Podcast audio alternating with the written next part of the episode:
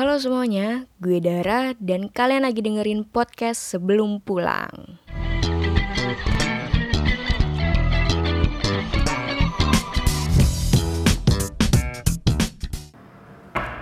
Dah, masuk, masuk. Masuk sini, ayo, ayo, masuk. Iya, iya, masuk nih. Hai. Oke, seperti di podcast sebelumnya gue sempet sedikit brief awal sih tentang episode kali ini. Jadi akan ngomongin tentang anak magang.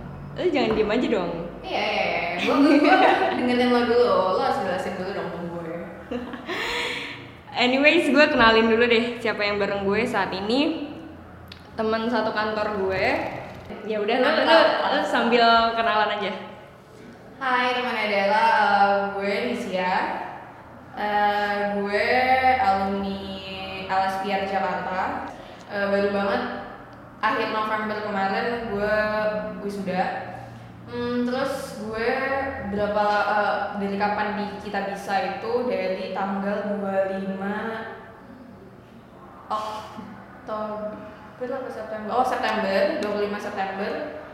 Terus dan ya gue em, Lu bagian apa di sini? gue bagian partnership undernya marketing.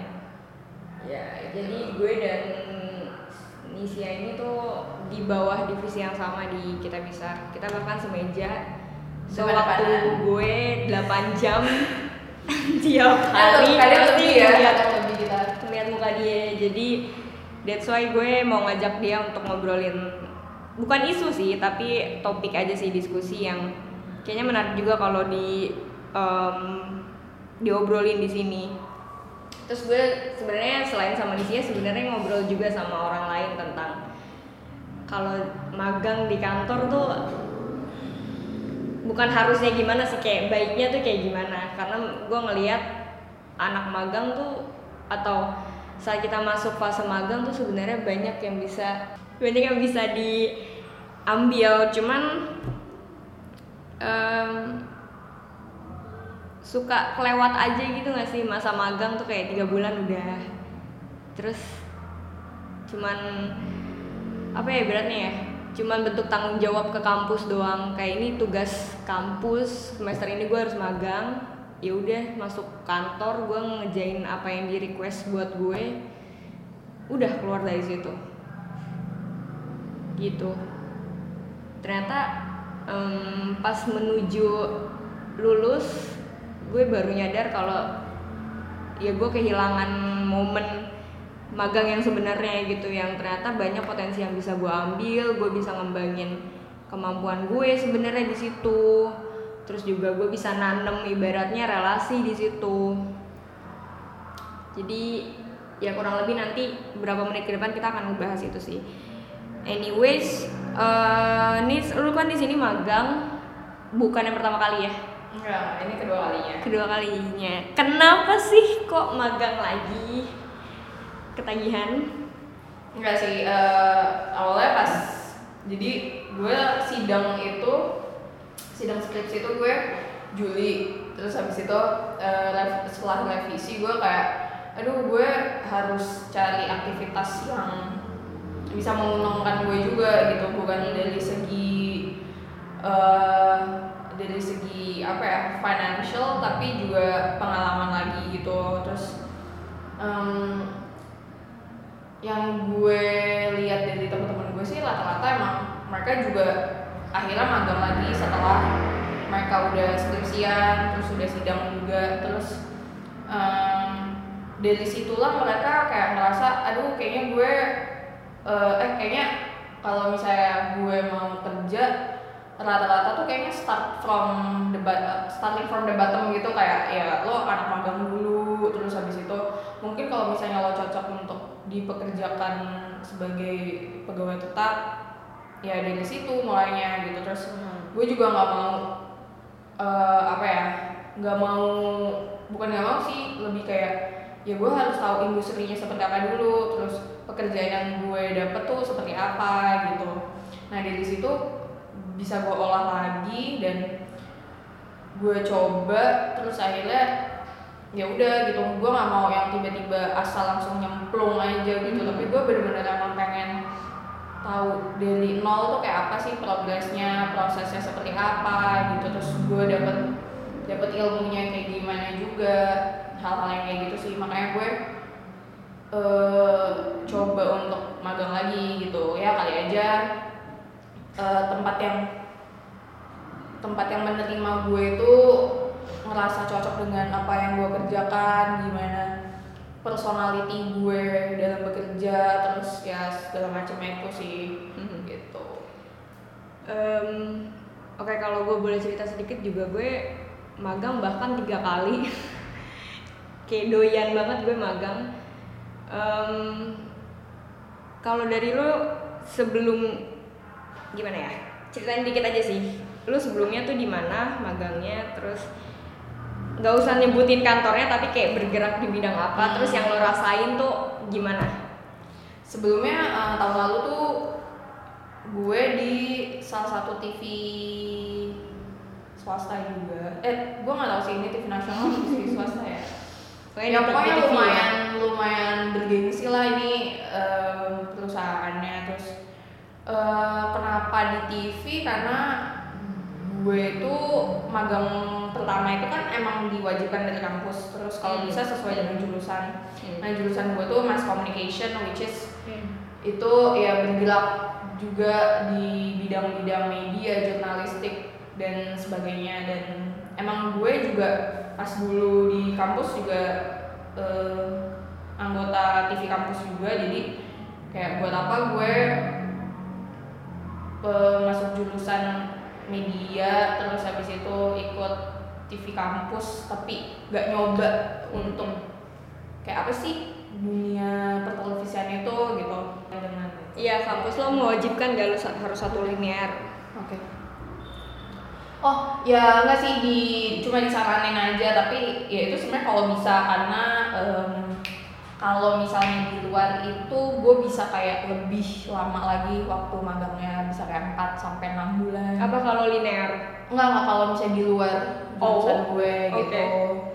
Apalagi kayak ada syarat bukan syaratnya sih kayak kategorinya misalnya lo di hotel lo harus 6 bulan yang kayak gitu Hmm. prosedurnya tapi em, sebenarnya kalau misalnya gue di TV dan di bagian produksi itu harusnya waktunya cuma satu bulan Hmm. cuma karena terlalu sedikit dan gue juga udah terlanjur ngomong sama si TV ini untuk ya udah tiga bulan aja ya udah jalanin gitu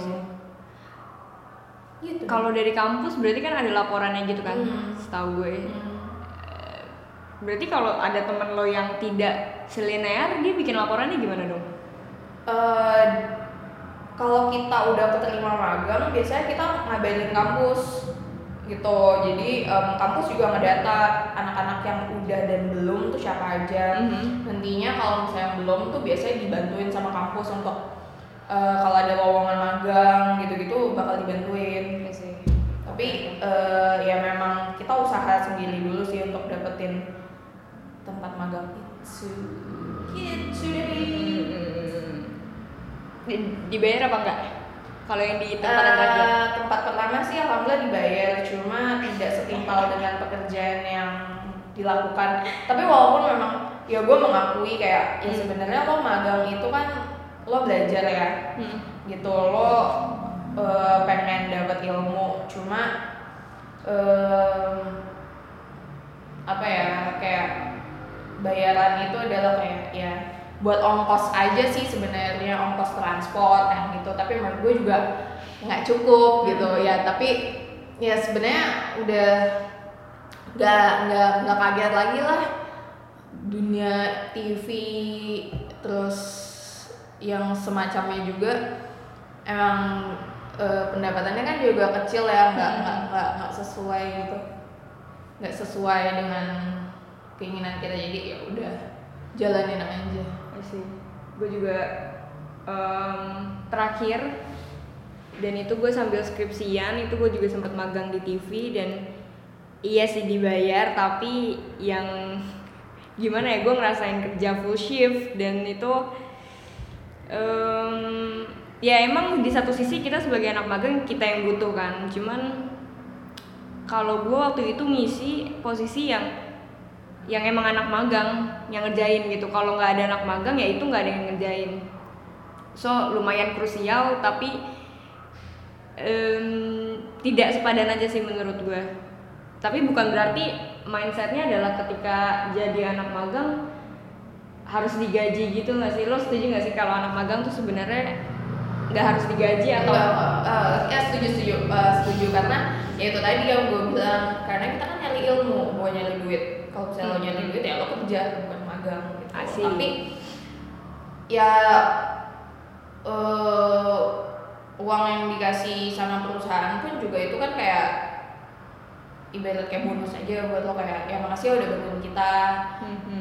hal sif yang yang sifatnya kayak gitu lah kalau menurut gue. Jadi ya syukuri aja gitu. Awalnya pas gue magang pertama tuh gue alhamdulillah nih dapet gitu. Eh, terus sebulan eh ya sebulan pertama gue jalanin kayak oh ya udah alhamdulillah tapi bulan-bulan berikutnya karena gue diproduksi juga terus anak magangnya cuma satu dan gue harus handle beberapa pekerjaan mhm. terus dapet bos juga agak kurang gak enak ya Mhm. gitu jadi kayak gue orientasinya bukan ke duit gitu jadi kesenangan pribadi gue aja jadinya kayak gue kayak ya udah bodo amat gue mau ibaratnya kayak mau bener gak bener kerjanya yang penting ya udah gue seneng gitu loh lagian juga em, gimana ya Eh,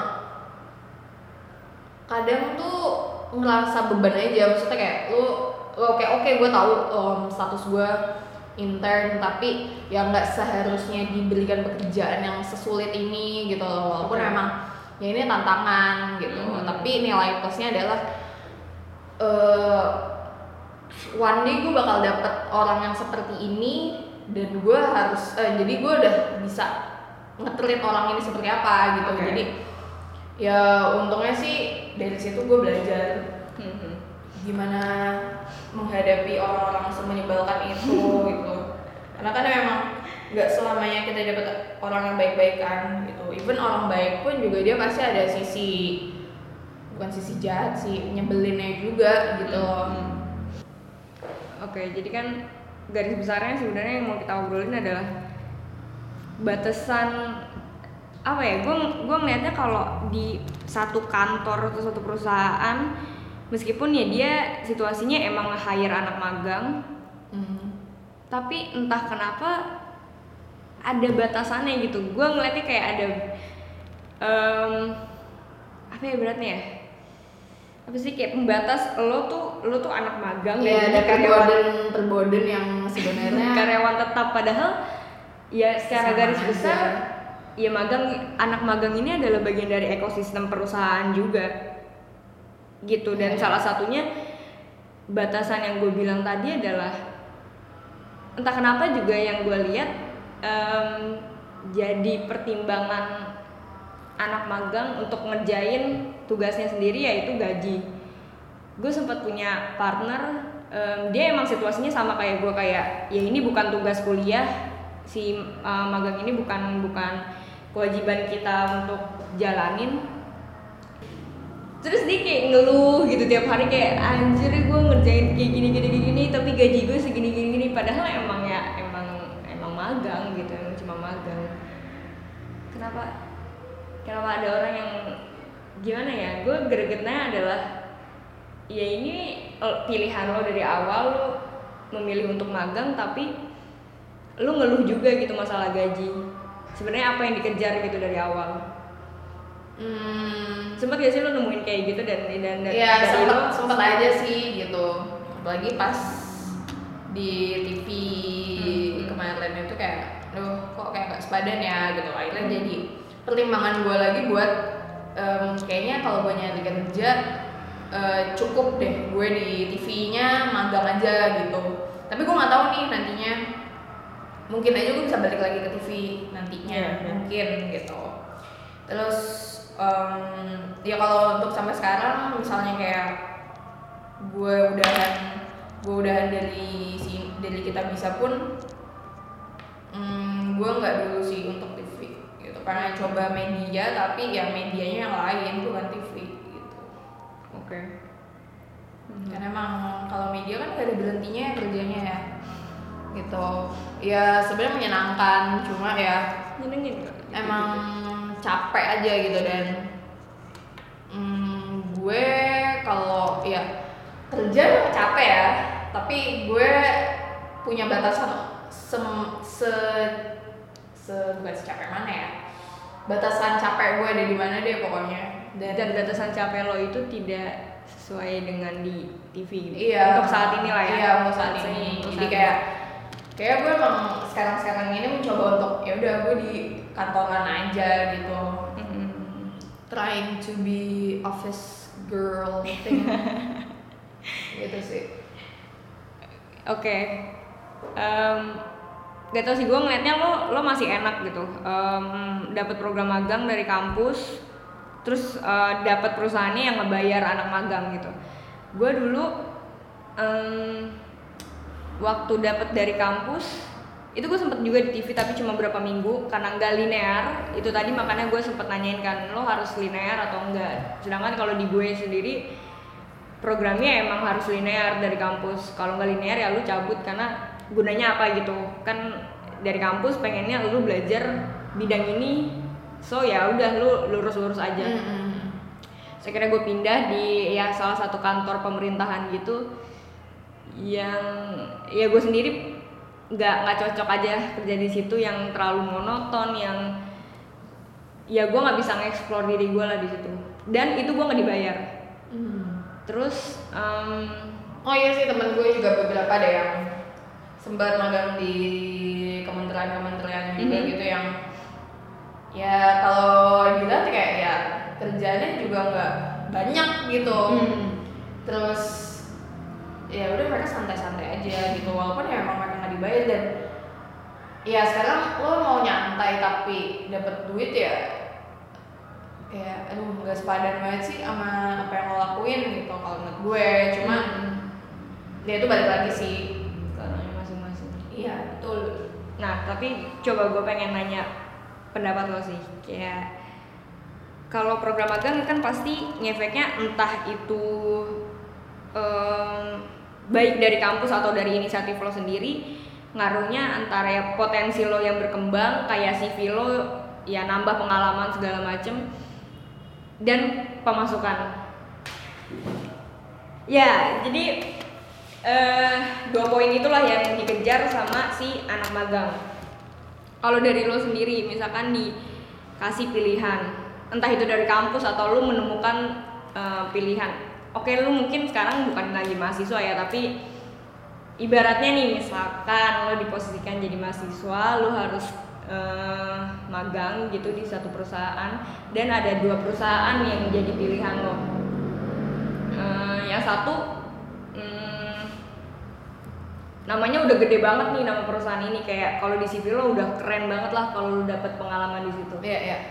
Em, posisinya juga lumayan tapi emang nguras apa ya berarti ya tenaga lo segala macem karena ya brandnya udah gede jadi anak magang di situ ditugasinya lumayan juga em, tugasnya. Tapi nggak dibayar. Dan yang kedua perusahaan yang kedua ini ya nama perusahaannya biasa aja terus ya lu nggak nyantai juga cuman kayak yaudah lu ngerjain tugas bayar request aja. Terus ya lu dipastikan tidak lembur sama sekali di situ tapi lo dibayar. Gitu. Hmm. Pilihan yang agak sulit sih. Dan gue juga belum pernah kerja nggak dibayar? Eh, bukan kerja nggak dibayar kayak belum pernah ada di situasi kayak gitu. Hmm. Em, apa ya? Mungkin mungkin gue akan ngambil yang kedua. Gitu. Biasa tapi bayar. Kenapa? Ya, kalau boleh tahu.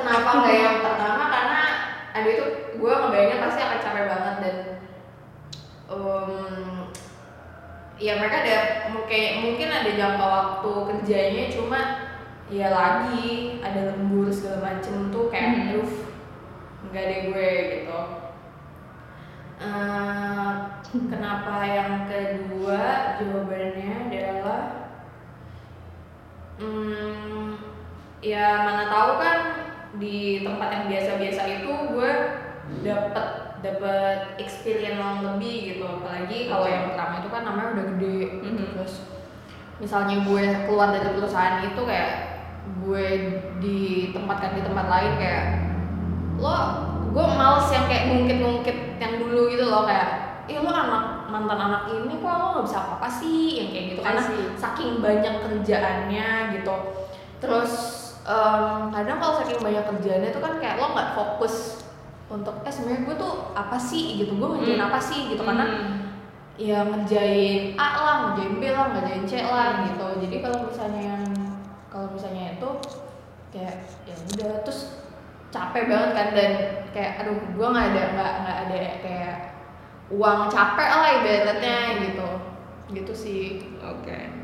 Menarik. Menurut gue. maksudnya gue bukannya gue bukannya matre apa gimana ya nggak cuma ya apa ya ya gue pengen dari yang biasa-biasa aja dulu gitu dan Soalnya lu tidak kalau- melihat uang itu sebagai apa ya berarti patokan tapi kayak ya itu sampingan motivasi lo untuk tetap iya. kerja aja. Kayak reputasi juga sih sebenarnya kalau misalnya lo udah di tempat yang gede gitu. Gitu. Iya, maksudnya kayak lo em, kalau misalnya dari yang gede terus lo ke tempat yang kecil, hmm, gimana ya? Kayak jadi jadi kayak ya mau nggak mau gitu. Tapi kalau misalnya ke tempat gede ke tempat yang lebih besar lagi kan termotivasi kan sebenarnya. Tapi nggak tahu sih gue lebih prefer untuk dari yang kecil ke yang besar aja gitu. oke menarik menarik poin oke terus juga kalau em, tadi lah ya clear maksudnya belum clear juga sih tapi itu kayak pandangan gue sama Nisia tentang em, gaji anak magang tuh perlu digaji atau enggak? Sebenarnya ya nggak harus jadi patokan. Lo dalam ngambil program magang gitu apa kalau digaji atau enggak? Tapi lebih ke ya si perusahaan ini ngembangin potensi lo nggak sebenarnya? Iya. Oke, Iya tadi gue juga nangkep kayak awal-awal lu ngom- ngomongin tentangnya atasan lo apa ya ngomongnya? Em, ya cara ngetritnya berbeda lah gitu. Let's say kita nggak ngomong dia bagus atau bagus atau buruk lah ngetrit lo tapi itu pengaruh nggak sih sebenarnya cara treatment orang-orang di kantor dengan kinerja lo sebagai anak magang? Lo ngelihat gak sih perbedaannya? Kalau kalau gue sih em, beda ya dari tiga perusahaan ini. Eh, yang pertama tuh yang di TV tadi itu gue emang maksudnya sebentar doang sih kayak cuma dua minggu tapi gue sempet ngikutin live nya juga terus ke lapangan juga dan gue bukan dibabuin sih tapi lebih ke em, ya they don't treat me as a as a part of the team aja gitu. Kayak additional person aja yang sewaktu-waktu ya ini orang bakal cabut so gue nge-treat dia ya seenak gue aja toh nggak akan ketemu ke depannya atau nggak bakal kerja sama bareng. Iya, iya. Yang kayak gitu. terus eh, itu yang pertama gitu yang paling bikin gue maksudnya saat di hari-hari terakhir gue mau cabut kayak wah kok kayak gini gitu. Pandangan gue pengen kerja di TV jadi kayak agak berubah sedikit gitu. Terus yang kedua itu gue di kantor pemerintahan em, mungkin bedanya karena karyawan di sana ya udah berumur gitu loh. Jadi kayak gue nggak punya circle yang masih satu aliran untuk diajak ngobrol. So ya ya perbedaannya di situ. Gue gue nggak tahu sih treatment mereka biasanya kayak gimana kalau ke karyawan lain tapi ya gue lebih ke yang kelihatan bangetnya mungkin karena range umurnya kalau di situ. Dan yang terakhir di TV lagi mulai kelihatan beda banget gue di treat ya seba- sebagai bagian dari tim cuman em, ini bedanya sih bukan bukan em, sikap mereka atau gimana tapi lebih ke budaya perusahaan. Jadi kalau di TV yang satu ini anak magangnya disuruh pakai item-item. Jadi kayak beda sendiri gitu. Oh gue juga, gue juga. Gue sempet sempet juga ngalamin si item-item itu. Cuma gitu eh, setelah kantor gue ini mau apa ya ulang tahun atau meluncurkan satu program gitu Mhm. terus akhirnya mereka mau bikin seragam gitu kan seragam baru dan ya udah biasanya kayak senin kamis tuh gue pakai item-item tapi setelah mereka announce kalau oh ya kita mau bikin seragam jadi dan banyak juga karyawan yang udah pakai baju bebas jadi ya udah gue pakai baju bebas aja kayak kaosan doang jaketan doang Hmm. jeans udah gitu aja nggak yang serapih dulu gitu gitu sih Nah, iya. Dan gue ngeliat itu lumayan pengaruh juga untuk ngebedain kayak anak magang dan karyawan. Komunikasinya juga beda, jadi kayak gue lewat dikit sama, maksudnya lewatin si kru ini karyawan itu mereka langsung, eh itu anak magang, anak magang. Ya, terus Oh, kenapa gitu loh? Kalau gue maksudnya. nggak pernah, gue nggak pernah sih ngomongnya kayak ya anak magang macam mereka sih. Cuma kadang cuma kayak beda aja, bukan beda sih kayak orang kaget aja gitu tiba-tiba ucuk-ucuk gue datengin nih orang ini gitu. Hmm, hmm. Yang harusnya em, aspro gue yang datengin gitu. Yes. Terus ya udah kayak oh oke oke yang hmm, ya udah mereka akhirnya eh, mengerjakan apa yang gue minta juga gitu. Hmm. Kalau lu sendiri ngerasainnya gimana waktu di kita belum ngebahas tentang kita bisa ya maksud gue nanti aja gitu di, di terakhir. Tapi kalau di perusahaan lo dulu magang tuh treatmentnya sendiri gimana sih? Lo ngeliat perbedaannya nggak sih? Let's say kayak aspro lo tadi. Kita kita ngomonginnya ya satu tim lo aja gitu kan. Si aspro lo ini misalkan ngobrol sama tim yang lain yang karyawan juga em, itu kayak gimana komunikasinya dan kalau lo sendiri itu gimana? Itu beda atau enggak? Hmm, kalau untungnya Aspro gue tuh super baik banget ya. Hmm. Sampai sekarang pun kita tetap keep in touch dan sebenarnya dia bukan supervisor gue, hmm. tapi karena dia yang PIC. bener-bener turun tangan banget ngajarin gue segala macem ya udah karena produser gue tuh pada saat itu masih baru banget dan eh, duduknya pun juga jauh dari gue jadi gue lebih dekat sama Aspro gue jadi kalau misalnya gue minta tolong apa segala macem yang gue minta diajarin pun juga sama si Aspro gue ini gitu. Hmm. dan dia juga selalu ngajak gue untuk em, ayo kita ke tim ini biar kamu juga ngerti gitu. Hmm, hmm. ngobrol bareng makan bareng sama tim-tim yang lain juga gitu. Dan gue jadi deket juga sama tim yang lain. Gitu. Ya santai aja sih kayak dia juga nge-treat gue sebagai ya lo bukan bukan anak magang tapi ya lo helper kita dan ya lo bagian dari kita juga gitu walaupun Oh, emang ada respect. waktu ada waktu kelarnya juga tapi ya alhamdulillah sih nggak yang aneh-aneh gimana gimana gitu cuma gue sebenarnya kalau misalnya dia udah kayak cuti itu Hmm. gue bener-bener sendiri dan aduh bener-bener kerasa banget deh dia nggak ada gitu dan Hmm. jadinya kerjaan aspro gue juga gue yang ngerjain banget Hmm. gitu segala macemnya jadi ya udah dan itu deh jadi secara garis besar kalau dilihat dari treatment atau em, komunikasinya lo ngerasa maksudnya part of the team atau kayak gue tadi additional person yang sewaktu-waktu cabut? Part of the team. Part of the team. Karena gue juga Enak. alhamdulillah masih dihargai walaupun ya maksudnya masih dicari lah gue gitu nggak yang ya udah tinggalin aja biarin ya itu enggak sih Hmm, hmm. Gitu. Karena memang mereka butuh juga kan. Jadi kayak ya udah. And ya emang kayak gitu harusnya ya sih? Sebagai anak iya bangsa betul ada maksudnya ya lu buat apa sih nge-hiring orang tapi lo nggak menjadikan dia sebagai bagian dari lo gitu. Oke. Ya sayang aja menurut gue. Kayak mending lo cari freelance yang emang hmm, freelance yang emang bergerak di bidang itu terus habis itu kayak misalnya ya dia nggak perlu ke kantor deh kayak gitu kalau emang mau tetap lo jadiin sebagai helper lah Oke. Iya. Terus ini kayak gitu sih, kayak perusahaannya juga menimbang ulang atau kayak em, ya anak magang juga bagian dari tim gitu terus um, oke tadi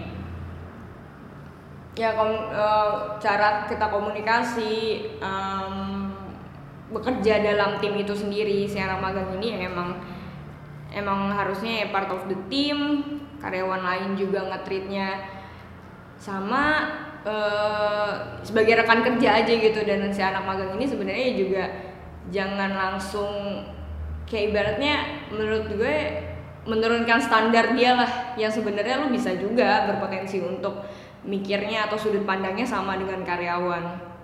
Betul. Dan itu berhubungan dengan um, apa ya di, diberikan atau tidak space lo untuk mengeluarkan ide. Ya. Dalam entah itu satu diskusi atau misalkan ya lu sekedar ngobrol sama user lo kayak um, Space Tune. nah um, kaitannya dengan itu lo pernah gak sih terlibat ya iyalah lo waktu di TV itu apa sih um, PA ya TAB. nah uh, itu pasti sering lah terlibat dalam diskusi entah Hmm. ngomongin episode selanjutnya atau Hmm. episode yang bakal mau Iya. tayang Iya. itu lo dikasih space gak sih untuk ngeluarin ide atau Iya, di, ditanya. Cuma em, program gue tuh sangat berat dan kayak aduh it's not my thing. Hmm. gitu terus em, ya gue cuma kayak bisa diem-diem aja sih sebenarnya gitu. Cuma kadang kalau misalnya lebih ke narsum sih kayak gue coba dulu cari kayak oh topiknya tentang ini baiknya tuh narsumnya seperti apa ya maksudnya siapa pernah sih sesekali kayak "Eh, ini aja mending Hmm. gitu orangnya. Terus ya mereka nampung sih cuma ternyata emang mereka tidak mengabulkan permintaan gue jadi kayak ya udah nggak apa-apa gitu. Yang penting kan gue udah pernah ngomong kan. Oke oke. Itu sih. Oke, iya biasanya problemnya kayak kayak ada dua fase, lo dimintain atau tidak ide lo dan itu diwujudkan atau tidak. iya kayak ya udah yang penting gue udah ngomong terus gue udah coba kalau emang nggak dipakai ya udah nggak apa-apa ya udah no hard feeling aja Oke, itu kontra banget sih. Mungkin posisi juga ngaruh nggak sih? Kayak lo emang PA, so ya emang lo bakal contribute di eh, ngumpulin ide atau ngambil keputusannya. Tapi kalau gue tuh sebelumnya di posisinya editor, yang mana ya sangat by request kerjaannya. Terus ibaratnya space untuk gua ngeluarin ide itu sangat kecil gitu.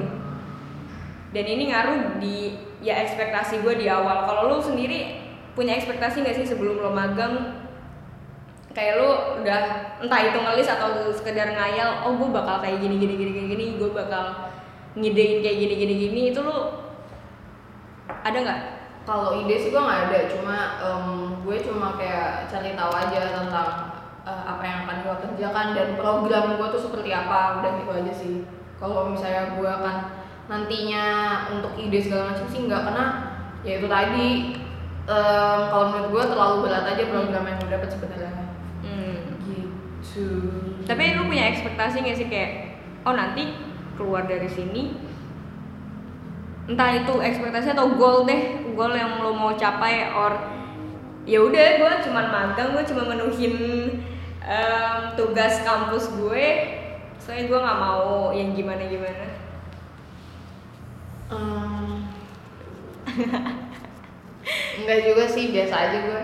Kayak setelah setelah magang tuh kelar juga gue happy. Kayak gue Oke. bener-bener pengen udah udah pengen cepet-cepet kelar aja udah. gitu. Karena ya itu tadi maksudnya gue jadi udah nggak nggak ini kan udah nggak udah nggak seseneng itu gitu. Karena kayak udah deh udah deh kayak gimana ya orang kalau udah males ya udah. Apa pun jadi kayak ya udah biasa aja yang penting hati gue seneng. Terus em gue ngerjain kerjaan dengan benar ya udah gitu gue udah kayak nggak mikir gue mau dibayar apa enggak tuh gue udah nggak mikir lagi gitu karena itu tadi ada situasi di mana lu bikin lo berhenti bukan bukan berhenti sih Lu- maksud gue berhenti untuk ngelakuin extra miles aja gitu Iya, heeh. karena buat apa juga gue ekstra kalau misalnya tetap aja ya nggak dipakai atau kayak Hmm. Udah. Hmm, oke gitu. Oke menurut lo semestinya gimana Apanya? ya si apa ya em, anak magang ini kudu banget ya sih untuk ngide karena ya untuk menurut gue sih Oh. kayak sebenarnya Hmm. itu mancing potensi lo Iya, juga iya, yang iya, lo iya. mungkin belum kekrek nih lo sebenarnya Iya, potensinya di sini iya, cuman iya, karena iya. lo sering ngide sering dimintain pendapat Iya. Iya. Iya. Iya, iya bikin bikin ini sih, bikin kayak pengen ide juga lagi. Eh tapi kalau misalnya yang di tempat yang pertama itu gue kayak no idea at all gitu sebenarnya. Tapi untuk beberapa hal sih ya ada lah gitu. Hmm, hmm. Tapi untuk di tempat yang sekarang ya gue ceplosin aja gitu. Hmm. Toh juga ini nggak korporat banget, em, orang-orangnya juga ya bisa dibilang seumuran lah. Jadi masih keterkaitannya tuh masih enak banget gitu terus eh, mau dipakai apa nggak dipakai mereka akan tetap dengerin dan apresiasi lo itu sih yang gue seneng gitu loh maksudnya kayak wah it's really different gitu Oke sih. Ya sekalian langsung masuk aja sih ke sesi kita ngomongin di kita bisa tuh kayak gimana. Untuk sekedar perbandingan aja dan apa ya ibaratnya ya? Kalau gue sih karena ya gue udah kerja berbeda status. Selin banget. Dan ini bikin gue resah gitu dan pengen diskusiin ini sama eh, Nisia karena gue nggak sama sekali ngeliat gitu perbedaan yang sebelum sebelumnya gue rasain sebagai anak magang sekarang point of view gue udah beda Em, ya gue udah udah ibaratnya udah karyawan gue masuk sini sebagai probation dan melihat teman-teman seumuran gue berbeda status as an intern dan terus kita umurnya sama lagi Iya kita umurnya sama, kita semuanya udah graduate. Terus gue yang kayak, eh, eh, kok gue nggak ngeliat bedanya gitu sebenarnya. Mungkin ya di luar gaji ya, gaji udah pasti beda. Tapi setahu gue di sini lumayan gaji anak magang ya. ya Jadi dibanding dibanding lumayan lumayan. di di gua- mm, dibanding di tempat-tempat yang gue tahu lah. Iya, include ya beda tempat magang gue sebelumnya juga nggak nggak gede-gede banget. Tapi kalau di sini gue lihat sepadan eh, manusiawi. Manis- manusiawi terus cara lo ngembangin potensi lo di sini bisa banget gitu. Karena tiap diskusi pasti ditanyanya tuh rata gitu loh. Tiap kita meeting marketing meeting gue ditanya nih sih juga ditanya dan teman-teman gue yang seumuran lain yang meskipun statusnya magang ya mereka juga ditanya, Ditanya. gitu karena ya ya emang part of the team bukan additional person yang sewaktu-waktu cabut Iya gitu. betul. Betul betul. Dan itu enaknya em, review dikit dong. Lo ketika mendapat eh, apa ya kesempatan seperti itu bedanya gimana dengan tempat lo yang sebelumnya? Hmm, iya dianggap aja. Oke. Dianggap terus em, ya lo kerja maksudnya lo magang magang tapi eh, magang kan juga sama aja kerja ya. Hmm, hmm. eh, yang sesungguhnya aja gitu kayak ya ini bukan main-main bener-bener emang kita sedang berjalan nih gitu. Ada ada sistem yang harus kita jalanin gitu. Terus ya lo nggak boleh main-main dan nggak boleh bercanda gitu. Walaupun eh, tetap belajar lah gitu eh, hitungannya. Terus juga itu kayak eh jadi hal yang harus gue pertanggung jawabkan kan kayak apa yang gue omongin tuh gue harus tanggung jawab juga gitu. Mana tahu kayak idenya dipakai diolah-olah lebih bagus lagi kan dari mana sih awalnya gitu. Hmm, hmm. itu sih. Ya. Menyenangkan aja. Bisa maksudnya gue gue tuh tipe orang yang takut sebenarnya takut banget buat ngungkapin apa yang gue rasain kayak ya ide gitu ya. Mhm. terus em, tapi di sini gue bisa ya udah gue misal gue punya pikiran ini gue bisa ngomong gitu Hmm. dan nggak begitu takut lah Hmm. dan ya nggak mikirin juga jadinya karena itu maksudnya ujungnya bakal bakal dieksekusi atau tidak Iya. tapi karena udah dari awal kayak ditekenin kalau ya udah kalau memang ada ide kita tampung dulu dikasih pengertian kayak gitulah so ketika nggak di dieksekusi ya kita nggak kecewa-kecewa banget Iya, maksudnya ya udah they appreciate you really well lah. Maksudnya bener-bener ya eh, di kita bisa tuh bener-bener appreciate every ideas gitu sih. Hmm. apresiasinya tinggi banget Iya, betul.